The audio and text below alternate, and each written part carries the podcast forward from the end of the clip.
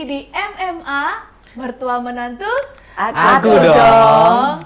Kita hari ini dengan sebuah tema yaitu iman dan fantasi. Wah. Ya, apa orang sering kali bilang fantasi atau mimpi di siang Mimpi hari. Di siang hari. Iya masa ya eh, kamu mau berani memulai sesuatu padahal kamu miskin ya Eh, orang miskin kok berani mimpi sekolah di luar negeri. Nah itu adalah iman atau fantasi. Nah hari ini kita akan mendengar cerita dan pengalaman dari keluarga yang sangat ajaib. Hmm. Bisa perkenalkan diri langsung Bu? Oke ya, eh, perkenalkan nama saya Tanjung Niasari. Saya Ketua Yayasan Sekolah Kingdom Academy. Saat ini Di mana, di mana, di mana? Kendari, Sulawesi Tenggara. Eh, Dan yayasan kami itu membuka kurang lebih 9 sekolah. Wow. Sembilan sekolah. Sembilan sekolah. Luar biasa. Eh, dari level apa sampai level apa? Kalau yang sekarang yang induknya dari level TK sampai SMA, tetapi delapan yang lainnya kami ke pulau kecil dan desa-desa kecil membuka TK. Wow. Wow. Ini ibu pejuang. Eh, miskin tetapi bisa membuka delapan sekolah. Iman atau fantasi ya? nah sekarang anaknya ini yang luar biasa. Eh, perkenalkan nama saya Joel Surya Santana. Saya berumur 16 tahun dan sekarang saya adalah seorang pelajar. Ya. Saya anaknya Ibu. Ibu, eh, tapi ini juga ngajar loh dari kecil, eh, memimpin banyak hal dari kecil, luar biasa sekali. Eh, sebuah keluarga yang saya tahu eh, penuh perjuangan, tetapi penuh keajaiban. Iman atau fantasi? Boleh Ibu Mei cerita, bagaimana awalnya kok bisa tiba-tiba pengen buat sekolah? Iya, pada waktu itu eh, ada eh, kejadian di perusahaan suami saya, Bu. Nah, akhirnya saya tuh berdoa ada saya tuh kepingin keluar dari Sulawesi Tenggara sebab saya ini orang Jawa, lahir besar di Jawa, nggak betah dengan eh, kondisi Sulawesi Tenggara. Yang paling nggak betah apa ini ngomong-ngomong Iya. makanannya? Eh, setiap dua hari listrik mati 6 jam. Oh, baru tahu saya. Terus Eh, air itu jual masih mengalami itu. Iya, ngalami. Masih Heeh. kecil tapi waktu Masih kecil, jadi nggak terlalu tahu ya. Jadi setiap hari itu kita akan melihat eh, koran bahwa hari ini giliranmu jam 9 sampai jam 5 sore.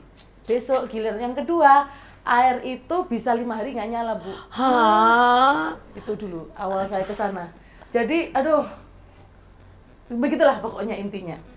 Jadi em, setelah itu karena ada kejadian di kantor suami saya, saya datang ke satu hamba Tuhan dan hamba Tuhan bilang ini kelihatannya kamu tuh nggak boleh keluar dari sana gitu, harus buka sesuatu. Nah saya berdoa.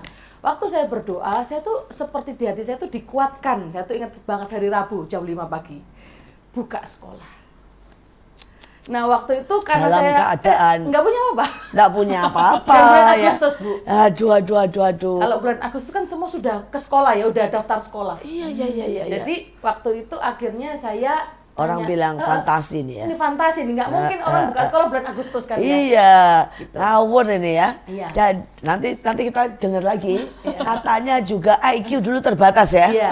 Waduh, waduh, waduh, waduh. Ini benar-benar. Terus, terus, terus, terus. Nah, akhirnya saya berdoa lagi, Tuhan ini sudah bulan Agustus dan tidak mungkin saya buka sekolah. Saya dapat satu ayat, Bu. Carilah, mintalah, ketoklah. Jadi yang paling nyambung ketoklah. Jadi saya ketok rumah-rumah. Permisi, ini saya buka TK. Mau masuk enggak? Begitu. Tapi bulan Agustus. Bulan Agustus. Dan belum ada TK-nya ya. Oh, ini nggak ada TK-nya? Jadi belum ada guru, belum ada Belum ada apa-apa, guru, belum ada belum ada kurikulum. Iya, ketok- Jadi cuma ngetok. Ngetok rumah. Puh, ini nekat ini, nekat. Kan- Modal nekat. Iya. Mamamu memang senekat ini selalu. Hebat banget. sampai malu dia gitu gitu jadi Terus? saya ngetok pintu singkat cerita eh, ada lima anak. Satu anak saya dua kakak beradik Ini dua anak anaknya teman ya? saya. ini eh, dia Pak Yoel, berarti murid pertama Iya, ya? Murid murid pertama, angkatan pertama. pertama dia. Eh, begitulah ceritanya buka TK terus waktu buka SD saya ingat banget saya nggak punya apa-apa waktu itu ya. Dan tiba-tiba ada saya SMS sama hamba Tuhan gimana ya caranya nih ya? Terus buka saja. Saya bilang iman saya nggak nyampe saya numpang imannya hamba Tuhan aja saya bilang gitu saya buka muridnya cuma dua bu Nah itu dapat murid dua dari mana? Satu ini, Satu ya, lagi. satu lulusan TK saya. Waduh, waduh, waduh, waduh, luar biasa sekali. Murid cuma dua. Murid cuma dua. Em, Dan waktu itu karena kami sekolahnya itu mungkin berbeda dari sekolah lain, kita dibakar waktu itu sekolahnya dua kali. Dibakar. Heeh. Dibakar, dilemparin kotoran manusia, dilemparin pepaya busuk gitu ya. Tapi eh, karena semakin mengalaminya, saya itu nggak semakin takut, semakin semangat saya begitu ya. Itu semakin semangat Kok gitu. bisa ya? ini. Iya. It- Ini cara pikirnya bagaimana nih ya? Orang lain tuh dibakar, dilemparin ya udah patah hati ya. Dan rasanya kan dari dulu juga udah pengen pulang Jawa ya. Iya, iya, Kenapa enggak istilah orang Jawa kukut-kukut ya pulang? Iya. Eh, karena saya eh, punya prinsip gini, satu kali maju jangan mundur gitu. Nanggung ya, pantang gitu. Jadi saya tuh tipe orang yang nggak bisa diancam. Kalau saya diancam, saya tambah wah begitu. gitu. Jadi semakin mereka bakar, semakin saya oh tambah oh begitu. gitu. Jadi tiba-tiba semua yang perkasa keluar semua begitu. Nah, saya tuh ingat banget akhirnya karena sekolah dibakar dan kontrakan saya rumah habis waktu itu, eh, saya bilang angkut semua barang. Saya ngomong sama suami saya, kita pindah ke sekolah. Suami saya sejujurnya takut waktu itu ya, tapi ah nggak apa-apa. Minimal eh, ada yang jaga sekolah. Akhirnya kita mulai tinggal di sekolah. Kan pertama di rumah kontrakan nggak cukup. Akhirnya kita eh, dapat berkat Tuhan lah, dapat taburan, akhirnya bisa beli tanah. Bangun satu dua ruang kelas yang kecil ya ini yang dibakar itu waktu itu. Nah akhirnya setelah kami tinggal di sana, akhirnya setiap hari eh, saya akan mengangkut kasur, keluarin, dijadiin ruang kelas. Itu bertahun-tahun. Jadi eh, cuma ada dua kelas. Cuma ada dua kelas. Jadi setiap malam dibuat tempat tidur. Tapi kalau pagi dikeluarin ruang kelas. buat ruang kelas. Terus kalau pagi itu kasurnya taruh mana? Eh, di pepet-pepetin di satu ruangan jadi gudang nanti keluar lagi itu mulai dari rumah kontrakan soalnya kan eh, anaknya nggak cukup ya bu dari satu dua tiga empat nggak cukup jadi semua harus jadi ruang kelas terus akhirnya kita nggak punya uang untuk bangun sekolah kita pakai anyaman bambu nah saya tuh ajaibnya ya Tuhan tuh bisa mengirim orang-orang mampu ke sekolah saya Oh. tapi mereka ya mau gitu loh Dengan kondisi sekolah Iya, seperti itu iya, ya. Rumah bambu akhirnya anak-anaknya tuh sekolahnya di kelas bambu mereka mau. Kalau menurut saya magnetnya itu Tuhan memang. Iya. Tapi magnetnya juga mungkin semangat, Iya. tekad, dan seorang yang tidak pernah menyerah. Bayangkan ya eh, bertahun-tahun setiap pagi harus mengeluarkan semua kasur dan bertahun-tahun dua kelas untuk tinggal bersama suami anak ya dan kemudian anaknya berapa waktu itu sudah Eh, anaknya dua. Sudah Setelah dua. itu eh, Dan Joel, bagaimana nih sekarang dari pihak Joel ya? Lihat eh, mamah yang waneh dalam tanda kutip ya dan gagah perkasa tetapi ya. Terus kemudian sekolah di sekolah bersama mama, terus kemudian lihat yang namanya eh, pernah mau dibakar dan sebagainya. Sebagai anak kecil ini bagaimana? Eh, di satu titik dulu saya takut, saya minder. Misalnya pada saat mama bilang angkat semua barang kita pindah ke kingdom, saya itu pada saat itu di pikiran saya bukannya setuju, saya itu malah malu. Ma, ini nanti kalau teman-teman kulihat aku bangun tidur pakai baju tidur gimana ini? Karena eh, saya punya beberapa teman itu yang biasa bangun itu pagi sekali. Jadi setiap kali saya keluar ke kamar mandi mereka liatin saya nggak pakai baju, cuma pakai handuk. Jadi situ tuh lama-lama malu, malu dan akhirnya menjadi minder. Kedua juga dengan ancaman-ancaman, kadang juga ada orang-orang di depan sekolah itu yang ancam-ancam, Oh, eh, kamu ngebully-bully. masih melihat? Iya, eh, kadang situ takut, takut dan minder. Tetapi eh, mama, mama ya terutama mama itu selalu bilang eh, selalu berani, harus selalu kuat. Jadi ya entah apa pun itu, entah eh, saya dibully, saya di apalah, eh, saya tetap bertahan saja. Sampai pernah enggak satu sisi kamu marah sama mama? Maksudnya kok mama ini aneh-aneh dan memaksa yang enggak-enggak? Kalau marah sama mama saya tidak pernah, tapi saya selalu merasa minder dengan situasi saya. Mm-mm. Di tengah mungkin teman-teman saya yang pada saat itu punya rumah, bawa mainan-mainan bagus ke sekolah, baju-bajunya bagus, ya saya seadanya.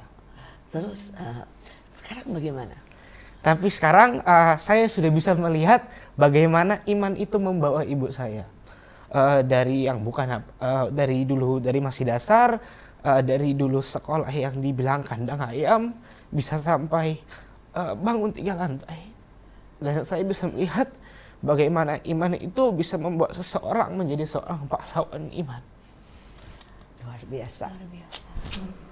Sebuah perjalanan yang tidak pernah gampang. Ya, mungkin ada begitu banyak tantangan dan dia seorang anak yang masih sangat muda. Waktu itu umur berapa Joel? Oh, ya. Uh, waktu itu uh, semuanya sudah dimulai dari saya kecil. Iya. Dari saya umur TK iya. Tapi kita lihat bagaimana anaknya akhirnya melihat iman membuat sesuatu yang luar biasa. Bukan fantasi, tapi iman menjadikan seorang yang bukan siapa-siapa jadi pahlawan. Dari sekolah kandang ayam sampai sekolah lantai tingkat tiga ya. Dan delapan sekolah Delapan sekolah eh, di tempat lain ya, jangan lupa. Delapan sekolah. Dan sekarang eh, ceritanya lantai sekolah tingkat tiga eh, rumah gimana rumah? Masih masih tinggal sama sama apa Sebenarnya itu? empat lantai. Iya. Lantai dasar, lantai satu, dua, tiga. Oh iya. heeh. Heeh, gitu. Coba. Uh, tapi dulu kalau misalnya kita itu dulu tidur uh, satu kamar berenam, semua barang dipepet-pepetin, uh, satu kamar itu lemarinya semuanya penuh. Uh, tapi sekarang uh, saya melihat bagaimana Tuhan itu membawa dari dengan iman ada sebuah perjuangan. Sekarang rumah itu jadi luas. Sekarang itu satu lantai full itu punya kita semua. Sekarang Joel punya kamar sendiri dong. Sudah punya akhirnya. Wah, akhirnya Joel punya kamar sendiri. Oke, kembali nih ke bintang kita yang ajaib dan perkasa. Boleh sembari diminum ya, Iya, boleh sembari sembari minum, diminum. Ya. Nah, apa sih Bu yang membuat Ibu itu tetap bertahan? Menghadapi ya orang melawan dan semua keadaan ekonomi ibu mengorbankan semuanya. Dan ibu benar-benar eh, buat sekolah untuk anak-anak yang miskin juga. Apa yang membuat tidak menyerah? Eh, sejujurnya saya ini sering ikut KKR atau ibadah bu. Jadi setiap enam bulan sekali setahun sekali saya tuh selalu ikut saya tuh ingat banget waktu itu satu saat ada KKR ada hamba Tuhan tuh bilang begini Tuhan memberikan wadah yang besar angkat tanganmu. Saya nggak angkat tangan bu. Saya mbak karung bu waktu itu. Tuhan ini wadahku. Aku bawa ke Sulawesi Tenggara. Jadi aku itu orangnya kalau orang ke kanan aku nggak mau ke kanan aku harus ke kiri gitu ya. Kalau orang hanya angkat tangan aku betul-betul mbak kantong. Ini wadahku aku bawa ke Sulawesi Tenggara. Terus saya tuh ingat banget. Jadi eh, apa yang di KKR itu saya pulang langsung otak pikiran roh saya tuh kayak go kerja terus. Apa itu aku harus apa? Gitu ya bu. Jadi apa yang membuat pertanyaan yang pertama eh, ada orang-orang ada ibadah-ibadah yang menguatkan saya yang pertama. Yang kedua eh, saya merasa sejak kecil saya itu memang anugerah Tuhan bu. Yang pertama IQ saya itu jongkok saya Eh, itu boleh bilang berapa ya entah 80 entah 90 lah pokoknya saya tuh nggak naik kelas eh, Oh, pernah? SD satu kali Oh, Heeh. terus? dan seharusnya SMA itu saya nggak naik kelas tiga kali harusnya Oh, Ya beneran. Beneran? Beneran. Tiap ini tahun bener. harusnya nggak naik. Harusnya nggak naik kelas, tapi mungkin karena belas kasihan Guru. Tuhan dan guru-guru. Iya. Ya misalnya biologi dua tiga empat lima lima nanti keluarnya enam gitu. oh ya. Iya beneran, beneran itu. Aduh beneran otak saya tuh, saya tuh kalau ke sekolah tuh hanya berpikir bagaimana saya bisa eh, berteman begitu. Jadi saya tuh nggak ngerti apa-apa. Guru menjelaskan apa, otak saya ke mana begitu, nggak nggak ngerti gitu. Nah suatu saat saya waktu mengenal Tuhan, saya tuh bilang gini Tuhan kalau saya tetap bodoh seperti dulu maka orang itu keluarga saya yang semuanya sangat penting prestasi itu tidak akan mengenal Engkau. Jadi keluarga memang bukan Heeh. kri- bukan Heeh. Kristen. Iya, pinter-pinter semuanya, ranking-ranking semuanya. Jadi cuma kamu yang ya, kelainan. heeh, kelainan. sampai kakek saya itu mau mati, bilangnya kan orang kalau mau mati kan pasti ngomong yang penting. Iya, kakek saya bilang gini, Me, kamu naik kelas enggak? Begitu aduh, makin parah banget gitu. Jadi betul-betul dead lah otak saya itu. Jadi setiap hari Bu, saya tuh kumpulin ayat tentang pikiran. Hmm. Hanya semua yang benar, yang mulia, saya ucapin selama tiga tahun. Wow. tiga tahun setiap hari hampiran jam 10 malam saya akan melihat kaca. Kamu pintar kamu hebat kamu luar biasa. Firman Tuhan bilang kamu seperti ini. Tiga tahun. Dan setelah itu eh, karena saya juga latar belakang dari keluarga yang berpisah orang tuanya saya sejak kecil itu diasuh oleh nenek dan tante-tante saya. Jadi saya kalau lihat orang yang bodoh seperti saya yang orang tuanya cerai itu saya punya belas kasihan yang Tinggi. Eh, eh. lebih tinggi gitu. Jadi eh, saya menampung semuanya. Makanya akhir-akhir ini saya lebih punya iman lebih banyak lagi. Saya ingin nampung lagi untuk tinggal sama saya. Wow. Gitu. Kalau tinggal sama kamu lagi nanti tinggal di mana? Kelas. Sudah ada bu. Balik balik rencana lagi. Eh, tinggal di kelas ya. Aduh, aduh, aduh, aduh, aduh. Jadi akan nampung lagi. Katanya sudah nampung delapan. Ada, ada delapan. Sudah menampung delapan dan kembali malam dibuat Iya. apa itu tempat tidur, Pagi dibuat pagi dibuat kelas.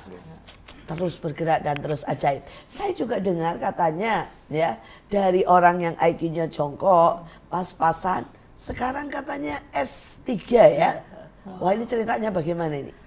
Eh, waktu itu habis eh, waktu kuliah tiba-tiba otak saya ini agak encer. Iya setelah Mungkin setelah ngomong tiga terus. tahun, Oh, tiga tahun. tahun. Alam nangis ya. Terus akhirnya waktu saya ke Kendari saya ngomong sama suami saya saya ambil S2. Ambillah lolos S2. Kemudian saya ngambil S3. Ambillah saya S3. Terus akhirnya saya jadi dosen Wah, sekarang dosen di mana? Eh, di universitas pemerintah di sana. Wah. Ah, luar biasa, luar biasa. Ambil bagian apa bu? PAUD. Oh, Pegang bagian PAUD dan psikologi. ya. Bagian PAUD dan psikologi ini masa lalu yang kelam tidak menentukan masa depan yang kelam. Tetapi sering kali itu adalah jembatan untuk membuat masa depan yang cemerlang. Kita percaya apa pun yang kita alami itu tidak boleh membuat kita berhenti, tetapi justru harus buat untuk menolong orang lain. Eh, Joel, apakah kamu juga mengalami IQ yang rada pas-pasan atau justru sebaliknya? Eh, eh, saya kurang tahu, tapi eh, saya diberiin otak yang agak encer sama Tuhan. Oh, ya bukan encer, Ah, encer ya, tetapi pinter ya. eh, masalah saya itu saya itu anaknya males banget. Oh, Eh, sehingga eh, padahal punya mama segalak ini Iya. dan dari kecil suruh kerja tapi tetap males ya. Iya, eh, saya masih punya kecenderung- kecenderungan untuk em, agak menjadi orang yang agak malas. Tapi eh, setiap kali saya dihadapkan dengan sesuatu, contohnya lomba, maka mama itu akan menarik saya sampai saya tidak tahu dari awalnya saya tidak mengerti sampai saya hafal semuanya. Eh, boleh boleh cerita nih lomba apa dari kecil, terus menang apa aja, prestasinya apa aja. Eh, saya itu salah satunya yang saya sering ikut itu adalah lomba pidato, pidato bahasa Inggris eh, atau enggak storytelling atau bercerita. Dan eh, saya ini orangnya suka eh, berimajinasi ya. Jadi setiap kali saya saya itu agak cocok sama tema ini. Tetapi eh, karena saya juga orangnya rada malas, jadi saya tuh tidak punya passion dalam sesuatu, tidak punya kayak gairah untuk melakukan sesuatu. Tetapi saya bisa melihat bagaimana mama saya itu menarik saya. Eh, bagaimana nanti kalau misalnya saya malas sedikit ada barang-barang yang dilempar. tetapi tetapi setelah saya sadari i- itu cocok bagi saya. Eh, itu saya perlu itu atau enggak saya tidak bergerak sama sekali.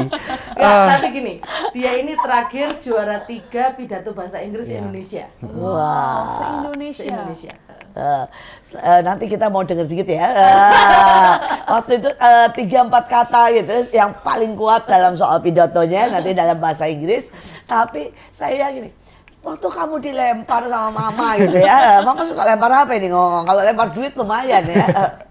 Eh, paling cuma eh, kalau misalnya saya kayak gagal, eh, bukan gagal ya, saya misalnya Dilemparnya apa? dilemparnya itu biasa paling centong, Waduh. centong kayu, centong besi. Tapi ya eh, pada saat saya gede, pada saat saya menang sebuah lomba, baru saya sadari bahwa setiap didikan itu mengubah. centong gitu Ya, ya. setiap eh, centong yang dilemparkan itu membuat saya itu mengingat sesuatu dan akhirnya saya bisa mengapresiasi sebuah Centong. perjalanan.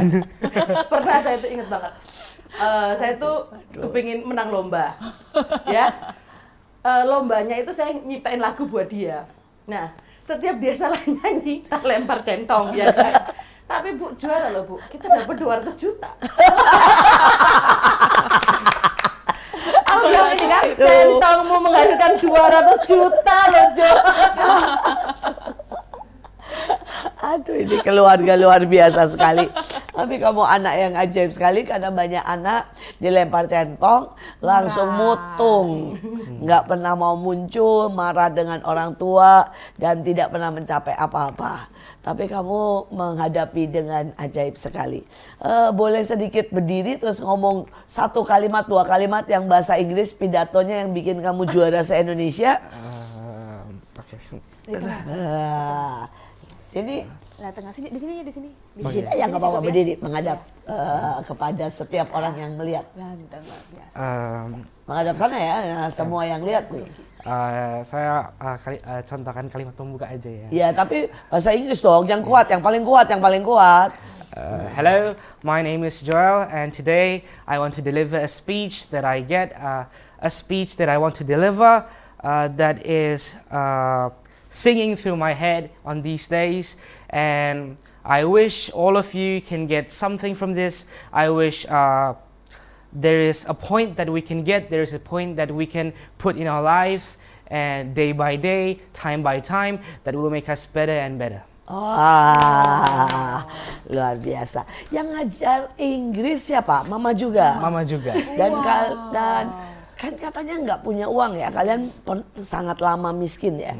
Jadi yang ngajar bahasa Inggris juga mama. Terus kalau kamu nggak bisa bahasa Inggris juga dimarahin juga, Uh, cubit juga. Kalau bahasa Inggris itu beda. Jadi karena mama dan papa itu uh, berjalan dalam dunia pendidikan, apalagi papa saya yang suka yang namanya prestasi, sehingga dari saya masih di perut, uh, ma, ma- papa saya itu suka ngomong bahasa Inggris ke saya, katanya ceritanya begitu. Dan akhirnya pada saat saya lahir, uh, papa saya selalu ngomong bahasa Inggris. Apa yang saya dengar itu selalu bahasa-bahasa Inggris, sehingga saya pada saat saya kecil saya sempat tidak bisa ngomong bahasa Indonesia karena dibiasakan dengan bahasa Inggris. Oh, ya luar biasa ini keluarga. Eh, walaupun miskin, tidak pernah membuat mereka berhenti untuk bukan berfantasi ya, tapi beriman untuk lebih baik, untuk menjadi berkat, untuk membawa dampak luar biasa. Nah, sekali lagi eh, saya dengar cerita yang pernah sampai miskin banget nget gitu ya. Sampai benar-benar nggak ada makanan dan sebenarnya harus jual ini jual itu dan sampai titik pokoknya level bawah. Ini bagaimana menghadapi situasinya? Eh, eh, kalau saya pribadi bu, dibuat santai aja. Gitu. Gak usah dipikirin, Iya kan? Saya mungkin gitu, nggak usah dipikirin gitu. Jadi dibuat santai aja kalau misalnya hari ini nggak ada uang Iya, saya tuh sering meskipun sekolah tuh gedung ya, tapi saking nggak ada duit itu setiap hari ya ya sayur direbus air aja gitu. dari kebun juga ya Ya pokoknya apalah sayur direbus kan masih murah paling cuma 3000 2000 tahu tempe setiap hari dinikmati aja. Nggak usah dipikir. Saya bilang gitu ya. Kalau kita mikir, kita luka. Tuh, tuh juga bergizi gitu loh. Gitu. Jadi nggak mikir. Gitu ya. Karena saya tuh ah nggak usah mikir. Tuh juga menurut saya ini nggak berat. Apa yang saya alami ini nggak berat banget. Saya minimal masih bisa makan air sayur lah, tempe lah. Buat saya ini nggak berat. Ini biasa gitu. Jadi saya nggak mau semangat Heeh. yang tidak pernah padam Iya gitu pokoknya ah sudahlah nggak apa-apa. Gitu. tapi anak-anak suami eh, bertahun-tahun makan cuma sayur apa aja yang paling kamu sebel tuh ya. Karena kalau miskin keluarnya itu terus. Uh, saya karena saya anak yang suka makan, jadi saya nggak pernah nolak makanan yang di depan saya. Uh, tapi ya ini ya. makanan yang saya nikmati dulu itu paling ya nasi, sayur, tahu tempe dan telur. Tapi ya itu itu menjadi kenikmatan bagi saya. Sehingga setiap kali misalnya saya ke desa, baru saya lihat hidangan ini, saya selalu mendapatkan flashback flashback perjuangan ibu dan bapak saya. Wah, luar biasa, luar biasa. Nah, boleh kesaksian? Saya dengar banyak sekali ya cerita-cerita pada waktu membuka awal tidak ada uang, tiba-tiba menang apa prestasi yang sampai da- eh, bisa terus sampai akhirnya ini melanjutkan sampai hari ini sekolah bisa sampai tingkat tiga ini semua pengen tahu nih. Katanya sempat dapat mobil juga. Iya. Dapat mobil, sempat macam-macam lah. Hmm. Eh, yang pertama, pertama kali bangun sekolah kan eh, suami saya kerja di sebuah perusahaan. Tiba-tiba dari orang yang nggak terpandang di perusahaan itu, eh, kantor dia itu juara tiga kali berturut-turut insentif tertinggi di Indonesia. Nah suami saya itu, huh, hematnya luar biasa.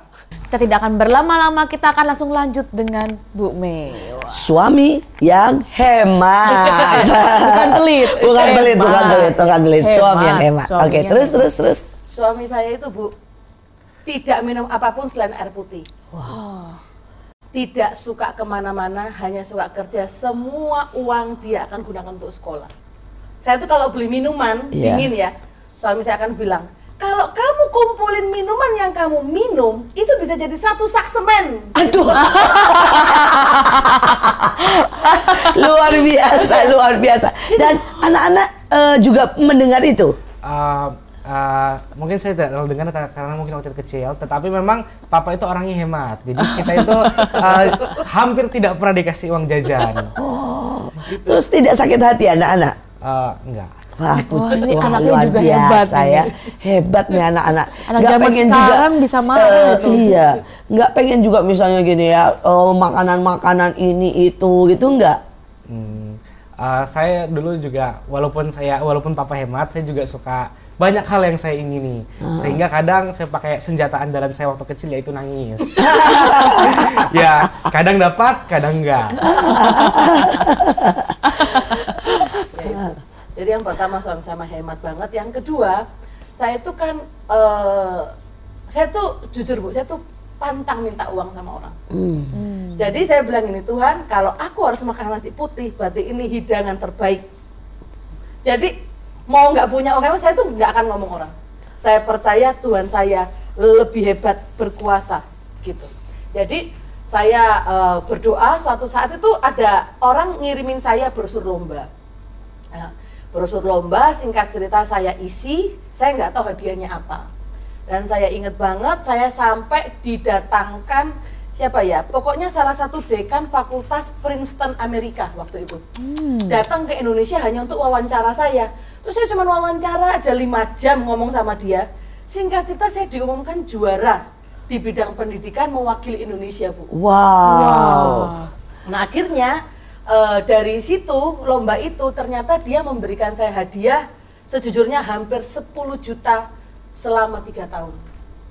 Yang dikirim setiap enam bulan sekali dan setiap enam bulan nanti eh, 50% lebih untuk bangun sekolah, sekian persen lagi untuk ini, Makan eh, hidup untuk makan sehari- hidup sehari-hari. Nah terus setelah itu saya butuh lagi eh, mobil gitu ya misalnya ya bu ya saya udah Tuhan saya ini butuh mobil banget gimana caranya gitu ya terus saya tuh bayangan saya tuh sejujurnya eh, apa namanya ya bayangan saya itu kayak saya tuh ingin membayangkan punya mobil agak gede gitu ya untuk bisa bawa anak-anak. Nah suatu saat ada lomba. Nah lomba saya juga dihubungi lagi orang dari sa- saudara saya. Eh kamu ikut lomba dong. Hadiahnya berapa? Dua setengah juta. Bah, sedikit banget. Oh. Waktu itu nggak cukup. Pas kan kalau ikut lomba itu kan panjang, Iya, suruh nulis iya, iya. cerita segala macam. Nah akhirnya ternyata lomba itu tidak diumumkan satu tahun bu. Saya inget banget saya ikut KKR tengah tahun ya. Tiba-tiba saya ditelepon sama orang Jakarta, saya juara satu nasional. Oh. Saya dapat mobil. Wah. gitu. Dan mobil itu mobil kecil bu, Hmm. mobil kecil. Dan saya tuh tanya Tuhan, Tuhan, aku tuh kepingin mobilnya gede supaya bisa ngangkut orang ya kan? Kenapa Tuhan kasih mobil kecil? Dan Tuhan tuh mau seperti ada suara berbisik Iya. kepada saya begini, because you are my daughter. Karena kamu tuh anak perempuanku Anku. dan aku tahu kamu tuh nggak pernah bisa tidur siang. Kalau capek itu saya tuh ingat banget akhirnya saya pakai mobil itu. Kalau kan kalau di rumah tuh kan rame anak-anak terus. Jadi saya pakai mobil itu nepi di pinggir jalan tidur, balik lagi ke sekolah. Jadi menurut saya itu apa ya setiap saya mengalami perjalanan itu seperti kayak surat cinta yang berbalas-balasan dari Tuhan begitu. Nah, terus saya tuh sering menang lomba pokoknya. Saya tiba-tiba ditelepon sama salah satu stasiun televisi swasta, ditelepon berbulan-bulan suruh syuting. Setelah ditelepon, saya syuting, tiba-tiba mereka itu suka banget syutingannya. Saya dikasih marching band anak TK. Terus ternyata hasil syutingannya ratingnya tinggi. Saya ditelepon lagi syuting yang kedua. Waktu saya syuting kedua eh, dari dinas pemerintah nonton, saya dikasih sekian ratus juta untuk bangun sekolah. Jadi selalu ada lomba demi lomba terus ada. Nanti saya ikutin lomba jual ini, nanti dia menang lomba apa begitu. Ya dengar-dengar katanya pernah lomba waktu kecil menang dan hadiahnya masih baru Iya, diambil ya. Ini iya. ceritanya gimana itu? Jadi saya tuh ingat banget, saya tuh habis melahirkan si kembar. ya, si kembar saya bilang Tuhan, aku tuh bersyukur banget engkau memberikan aku si kembar. saya juga butuh, ya adalah tambahan uang. Karena sekarang anaknya tambah kembar ya, jadi empat total Ya, ya. belum lagi satu lagi yang kita rawat kan ada anak baru lagi. Nah akhirnya saya tuh liatin HP gitu kan bu ya. Tiba-tiba ada lomba. Saya tuh berdoa dan seperti dari hati saya tuh keluar ikutin yang Joel. Oh. Karena pilihannya ada dua, mau yang ini atau yang satunya. Tapi dalam suara saya tuh kuat ikutin saja yang dia. Nah saya ikut setiap hari bu kita gandengan tangan. Kita bilang kan kita tahu nama jurinya orang terkenal. Tuhan bisikkan dalam telinga dia. Kita pemenangnya. Buat dia nggak bisa tidur sampai disebut nama Joel Surya Santana. Ah, Dan akhirnya Bu dari sekian ribu orang di periode ketiga dia akhirnya juara. Dapat 200 juta. Oh, Joel ya. Surya Santana ya. Sampai apa nanti kita semuanya. Luar biasa, luar biasa. Pada waktu itu Joel masih ingat juga waktu perlombaan itu. Itu lomba apa? Masih ingat. Ah, jadi itu lomba di mana kita disuruh untuk membuat sebuah iklan buat sebuah brand susu dan ah, banyak hal lah misalnya ada orang yang ah, buat kreasi ah, apa pun dari brand susu itu. Ah, ah, ah, dan akhirnya ah, karena saya punya mama yang sangat kreatif mama saya ini keluarnya banyak ide. Iya. kita buat ah, apa itu ah, papan pecahan untuk pecahan dari susu itu. Kita buat lagu untuk susu ah, brand itu dan banyak hal lain. Dan ya pertama walaupun banyak dipaksa tetapi eh, saya menikmati juga. Kamu umur berapa waktu itu? waktu itu saya sekitar umur 10 tahun ya 9 10 tahun Terus kamu yang nyanyi atau kamu yang atau kamu yang misalnya fotografernya, eh, kamu yang difoto atau apa ceritanya? Eh, se- eh, s- eh, saya nyanyi jadi eh, yang saya ingat itu ada beberapa project yaitu pertama eh, saya sama mama saya buat lagu yang kedua kita buat kayak peternakan ikan cupang cupang yang ketiga kita akhirnya buat Panjat kayak tebing. ya panjat tebing juga Berdua.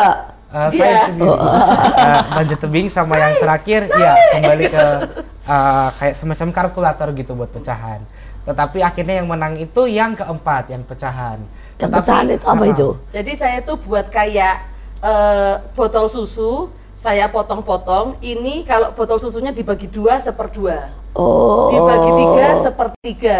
Oh, Jadi iya, iya, ternyata iya, iya, botol iya. susu ini adalah barang bekas yang digunakan untuk bisa untuk belajar pecahan. Itu yang juara nasional. Oke, oke. Wow, wow, kreatif sekali. Jadi memang perlombaannya adalah apa pun dari susu itu. Ya, apa pun dari susu itu. Oke. Bagaimana cara mendidik anak itu. Oh, luar biasa, luar biasa. Dan itu kamu yang memperagain. iya Wah, wah, wah, wah, wah. Luar biasa. Botol susu jadi satu, seperdua, sepertiga, seperempat. Kita potong-potong. Hasilnya 200 juta. Kreatif sekali, kreatif sekali. Dan berkat Tuhan ternyata tidak pernah berhenti. Melewati hal-hal yang tidak pernah kita duga. Sekarang eh, Joel sudah hampir eh, 17 ya? Iya. Hampir 17. Anak-anak lain itu kan lebih banyak main di luar ya. Terus kemudian mungkin melakukan hal-hal yang negatif, naik motor, ngebut dan sebagainya. Dan kamu dari sejak kecil harus berjuang bantu harus kerja beresin sekolah ya kemudian ngajar dan sebagainya. Perasaanmu bagaimana? Dan kemudian eh, apakah kamu merasa bahwa masa kecilmu itu hilang atau justru kamu merasa sangat kaya dan sangat luar biasa? Uh, saya merasa saya ini adalah salah satu anak yang paling beruntung di dunia karena uh, saya itu punya orang tua yang mencintai saya. Uh, walaupun memang saya dari kecil saya dididik terus, tetapi saya bisa akhirnya saya itu bisa melihat perjalanan orang tua saya. Karena walaupun sebagai anak kecil saya bertumbuh, bagaimanapun kita juga melihat orang tua kita bertumbuh dalam masa-masa itu. Eh, saya melihat bapak saya yang eh, bekerja banting tulang itu hanya untuk keluarganya. Saya melihat ibu saya yang terus eh, berdoa ke Tuhan dan di tengah itu ju- sejujurnya mungkin ada saat-saat di mana saya mempertanyakan hal itu. Tetapi akhirnya saya mengerti bahwa ini adalah sebuah perjalanan yang Tuhan letakkan dan saya bisa saya harus bisa lihat dan saya nikmati. Nah, tetapi memang eh, saya ini orangnya itu rada cuek dulu waktu kecil sehingga saya ini punya sebuah kebiasaan untuk bermain dengan imajinasi saya sendiri. Karena saya itu nggak punya banyak teman pada saat itu. Dan nggak punya banyak mainan juga ya. Eh, saya tidak cocok sama anak-anak di lingkungan saya. Akhirnya saya bermain dengan imajinasi saya sendiri. Dan eh, makanya orang itu kadang sering ketawa lihat saya. Kok ada anak eh, bawa tongkat, eh, pura-pura bertarung sendiri, nggak jelas, eh, ngomong-ngomong sendiri. Tetapi eh, dan orang itu ngomong, ih lu itu gila atau apa. Tapi eh, setelah saya lihat, eh, ya itu perjalanan saya. Eh, mau saya itu berbeda dari orang, mau saya rada-rada gila dikit. Tetapi menurut saya eh, perjalanan yang saya bisa lihat dari orang tua saya, sebuah proses iman yang menguatkan mereka itu yang menurut saya akan menjadi bekal saya untuk untuk saya bisa memulai proses iman saya bersama Tuhan. Ya kadang-kadang eh, imajinasimu juga tidak selalu salah karena saya percaya mungkin ya imajinasimu melahirkan film-film yang terbaik. Ya. Kemudian imajinasimu juga mungkin akan melahirkan nanti cerita-cerita seperti tadi storytelling ya yang akan bahkan menginspirasi anak-anak se-Indonesia. Kita percaya Tuhan tanam sangat banyak dan dari kecil sudah melakukan menabur sangat banyak pasti ada upahnya. Nah, saya mau tanya sedikit nih ke Bu Mei. Em, ini kan katanya bangun dari TK sampai ke SMA. Itu kan berarti butuh uang ya? Iya, iya.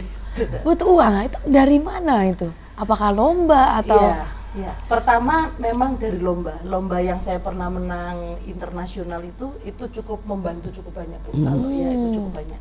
Terus yang kedua, saya tuh punya saya tuh nggak tahu ya Bu ya, karena tuh saya tuh disukai banyak orang tua. Wah. Gitu ya.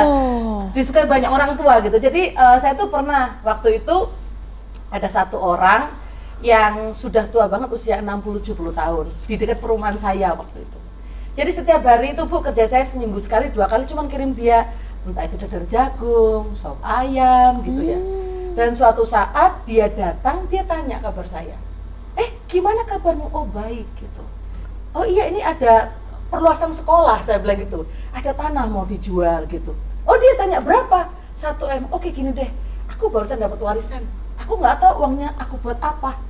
Jadi saya langsung dikasih 100 ribu dolar gitu seratus ribu eh seratus ribu dolar ya seratus ribu dolar gitu jadi saya bisa bangun pagar bangun apa begitu nah saya tuh kadang-kadang merasa ya tiba-tiba nanti saya ketemu orang padahal baru ketemu sekali dua kali tiba-tiba bisa digerakkan Tuhan untuk membangun sekolah. Dan even sekalipun orang itu tidak satu agama dengan saya.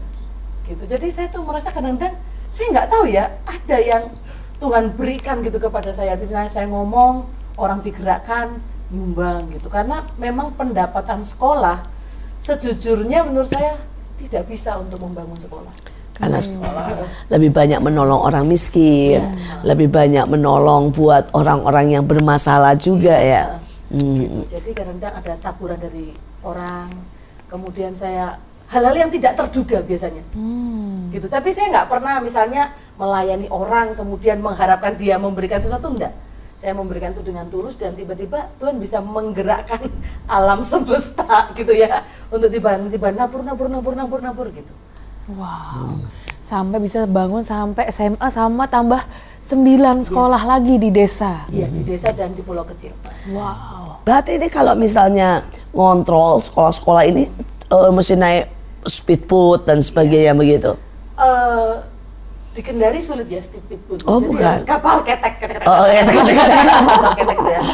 Eh, biasanya kami menawarkan sekolah begini, mau menginduk kepada kami atau habis dibukain dibantu setahun dilepas. Nah pada umumnya banyak yang ingin lepas, ya kan? Tapi yang menginduk kepada kami kurang lebih sekitar tiga sekolah.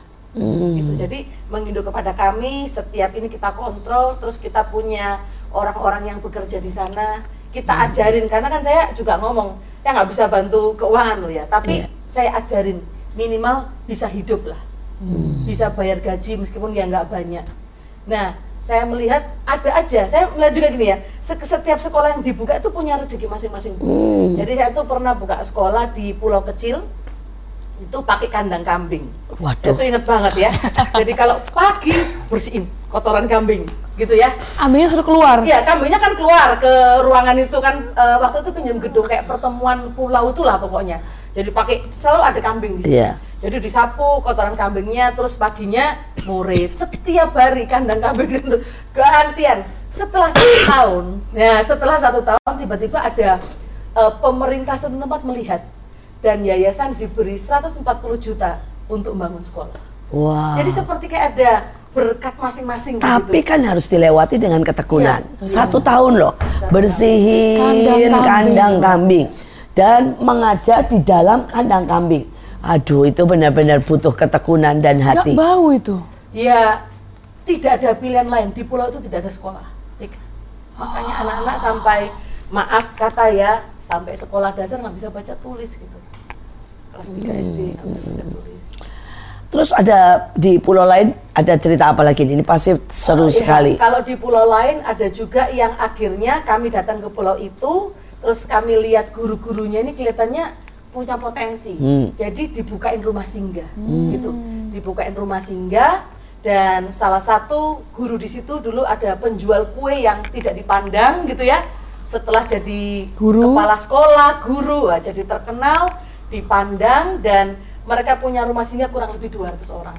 Wow. Jadi setiap tempat itu biasanya eh, seperti kayak Tuhan tuh meletakkan sesuatu yang ini cocoknya dibuat begini. Yang ini cocoknya dilepas nggak apa-apa. Dilihat aja karena kan kadang-kadang ada orang yang bisa mandiri gitu Iya. ya. Tapi ada yang butuh Eh, yang dipegang dibantu, terus, dipegang. ya, gitu. Gitu. Terus ada juga pulau yang eh, menurut saya lucu juga ya. Jadi pulau itu kalau pagi air naik, semua Hmm. air. Kalau sore airnya surut, Hmm. gitu. Jadi dibuat eh, main sepak bola apa tuh? Aku nggak tahu pulau apa itu. Aku kan Waduh. pasti saya nggak tahu apa ya. Maksudnya itu peristiwa apa gitu. Iya. Jadi biasanya kita ke sana itu kalau nggak salah waktu itu kita sempat cari donatur bu, dibantu eh, sekitar berapa puluh kursi untuk pulau untuk TK itu. Nah itu jadi terus kemudian TK-nya di mana? Di Pulau itu. di pulau maksudnya yang eh, rumah panggung berarti ya. rumah panggung semuanya. Eh, untuk mencari guru pulau biasanya Iya. kita mengadakan ajang mencari bakat. Oh. Jadi semua wanita-wanita saya kumpulin ya, kemudian tesnya mudah. Saya bawa buku cerita, ya kan? Suruh cerita. Eh, suruh Suruh cerita. cerita, suruh nyanyi, nadanya ngaco nggak gitu ya. Ya. Yang ketiga suruh nulis. Ah. Jadi kalau tulisannya bagus, ya oke lah, gitu ya kan baca tulis Iya. ya. Nah terus nanti dari guru-guru itu akhirnya dari wanita pulau ada dua yang dikuliahkan sampai S1 sudah mau wisuda. Jadi dia lulusan SMP karena saya lihat wah ini kelihatannya lumayan gitu. Terus saya jadi dosen, jadi saya bantu untuk mereka itu akhirnya dikuliahkan. Jadi biasanya kita itu kalau pertama kali cari guru nggak melihat sarjana karena nggak ada yang sarjana. Gak ada ya. yang sarjana. Nggak ada yang sarjana. Pokoknya bisa baca, nulis, nyanyi Iya, ya. iya, bisa Eh, baca, nulis nyanyi, angkut gitu. Wah, ini sebuah perjuangan, tapi juga jalan pintas, tapi juga eh, solusi dalam segala keadaan. Dengar-dengar kunci kesuksesan eh, ibu ini sudah sampai banyak sekali pulau demi pulau dan orang-orang mendengar bahkan kunci kesuksesan untuk akhirnya musuh-musuh yang dulu malah membakar dan sebagainya sekarang sudah berdamai. Iya, iya. Nah, a- ada beberapa juga yang mungkin masih tetap tidak suka, tapi kan terus berjalan dengan baik ya semuanya. Apa nih kunci kesuksesannya? Eh, menurut saya itu bergantung kepada Tuhan Bu, ya. Karena eh, secara gedung kami tidak akan bisa bersaing dengan sekolah yang Bagus-bagus. modal yang besar, guru yang ikut diklat mungkin seribu kali gitu ya. Tapi saya melihat setiap ada apa-apa saya langsung tersungkur Tuhan. Terima kasih. Tuhan, terima kasih. Jadi menurut saya kunci kesuksesan itu bergantung kepada Tuhan. Terus kalau ada apa-apa, saya tuh belajar bagaimana caranya nggak baper gitu ya. Hmm. Percaya aja, dilewati aja. Satu hari aku bisa melewati masalah ini, pasti besok aku juga bisa. Jadi saya itu orangnya kadang-kadang nggak mau mikir. Kalau mikir kadang-kadang kita udah Baper. Oh, baper. Nanti gimana gimana. Nah tapi aku melihat ya bagaimana Tuhan tuh mengangkat sekolah saya yang kecil gitu sampai akhirnya menjadi sekolah kayak prototipe gitu. Dan akhirnya saya itu sekarang menjadi apa semacam kayak staf ahli gubernur di Sulawesi Tenggara di bidang PAUD. Jadi saya melihat bagaimana Tuhan eh, melihat dulu sekolah saya pernah dilaporkan, wah banyaklah kejadian dilaporkan ke pemerintah sampai saya akhirnya diangkat jadi staf ahli gubernur itu menurut saya seperti Tuhan membungkam banyak gitu. Jadi satu hal yang kita nggak bisa, yang saya pribadi nggak bisa lupa, saya percaya semua yang terjadi itu karena Tuhan, dari oleh dan untuk Tuhan gitu. Bukan fantasi, tapi iman. Dan iman membawa kepada keajaiban. Terakhir sebuah pertanyaan, ya, eh, apa yang perlu ditekankan oleh banyak orang tua maupun mereka yang punya PAUD? Sebenarnya nilai-nilai apa? Dan mungkin cerita kesaksian eh, bagaimana anak-anak PAUD itu bisa berubah? Iya. Eh, karena memang otak anak itu kan bergeraknya 0 sampai 6 ya. Bahkan kalau misalnya anak berkebutuhan khusus itu ada namanya periode emas 0 sampai 3. Oh, itu anak kebutuhan Nah, khusus. Jadi anak kebutuhan khusus kalau misalnya dari usia 0 sampai 3 tahun tidak terdeteksi, maka kemungkinan sembuh hanya 50%. Jadi eh, saya tuh pernah baca satu slogan ya, berikan saya anak di bawah enam tahun, gitu. Itu semacam kayak slogan-slogan bahwa mereka ini dibentuk pola pikirnya, kebiasaannya. Di sekolah kami, eh, saya itu percaya bahwa kan Firman Tuhan mengatakan bahwa kita harus berpikir yang benar, yang Iya. mulia. Di sekolah kami itu kami punya kebudayaan hujan kata-kata. Hmm, caranya? Jadi hujan kata-kata itu setiap anak yang datang misalnya namanya eh, Norma. Norma yang hebat luar biasa penuh semangat. Bagaimana kabarmu? Gitu. Jadi ini seperti budaya gitu. Saya tuh ingat banget ada satu anak, "Hei, gimana kabarmu? Kamu pintar luar biasa." Jadi kita setiap anak datang kita sambut dengan kata-kata positif. Oh. Jadi kalau menurut saya orang tua mulai kecil ucapkanlah kata-kata positif. Karena kata-kata itu semacam kayak apa ya gelombang yang menggerakkan mereka gitu. Nah kalau misalnya untuk tips untuk membuka PAUD, PAUD itu untuk bisa eh, bertahan itu harus punya sesuatu yang unik yang Betul. tidak dipunyai oleh sekolah lain. Salah satu sekolah kami itu kami suka membuat yang namanya pentas, Heeh, pentas ya, syuting. Pokoknya sesuatu yang sekolah lain nggak mau ribut, nggak mau capek gitu. Jadi kami melakukan seperti itu. Terus eh, untuk PAUD bisa bertahan itu guru-gurunya. Jadi guru-gurunya itu bagaimana kami ngobrol sama mereka dan ada rapat berkala. Intinya karakter sih Bu sebenarnya. Karakter ya Bu ya. Nah, anak-anak itu diajarin apa kalau misalnya datang gitu ya? Yang yang unik dari kingdom itu misalnya diajar nari atau pelajaran kemudian khusus. iya pelajaran khusus. Iya.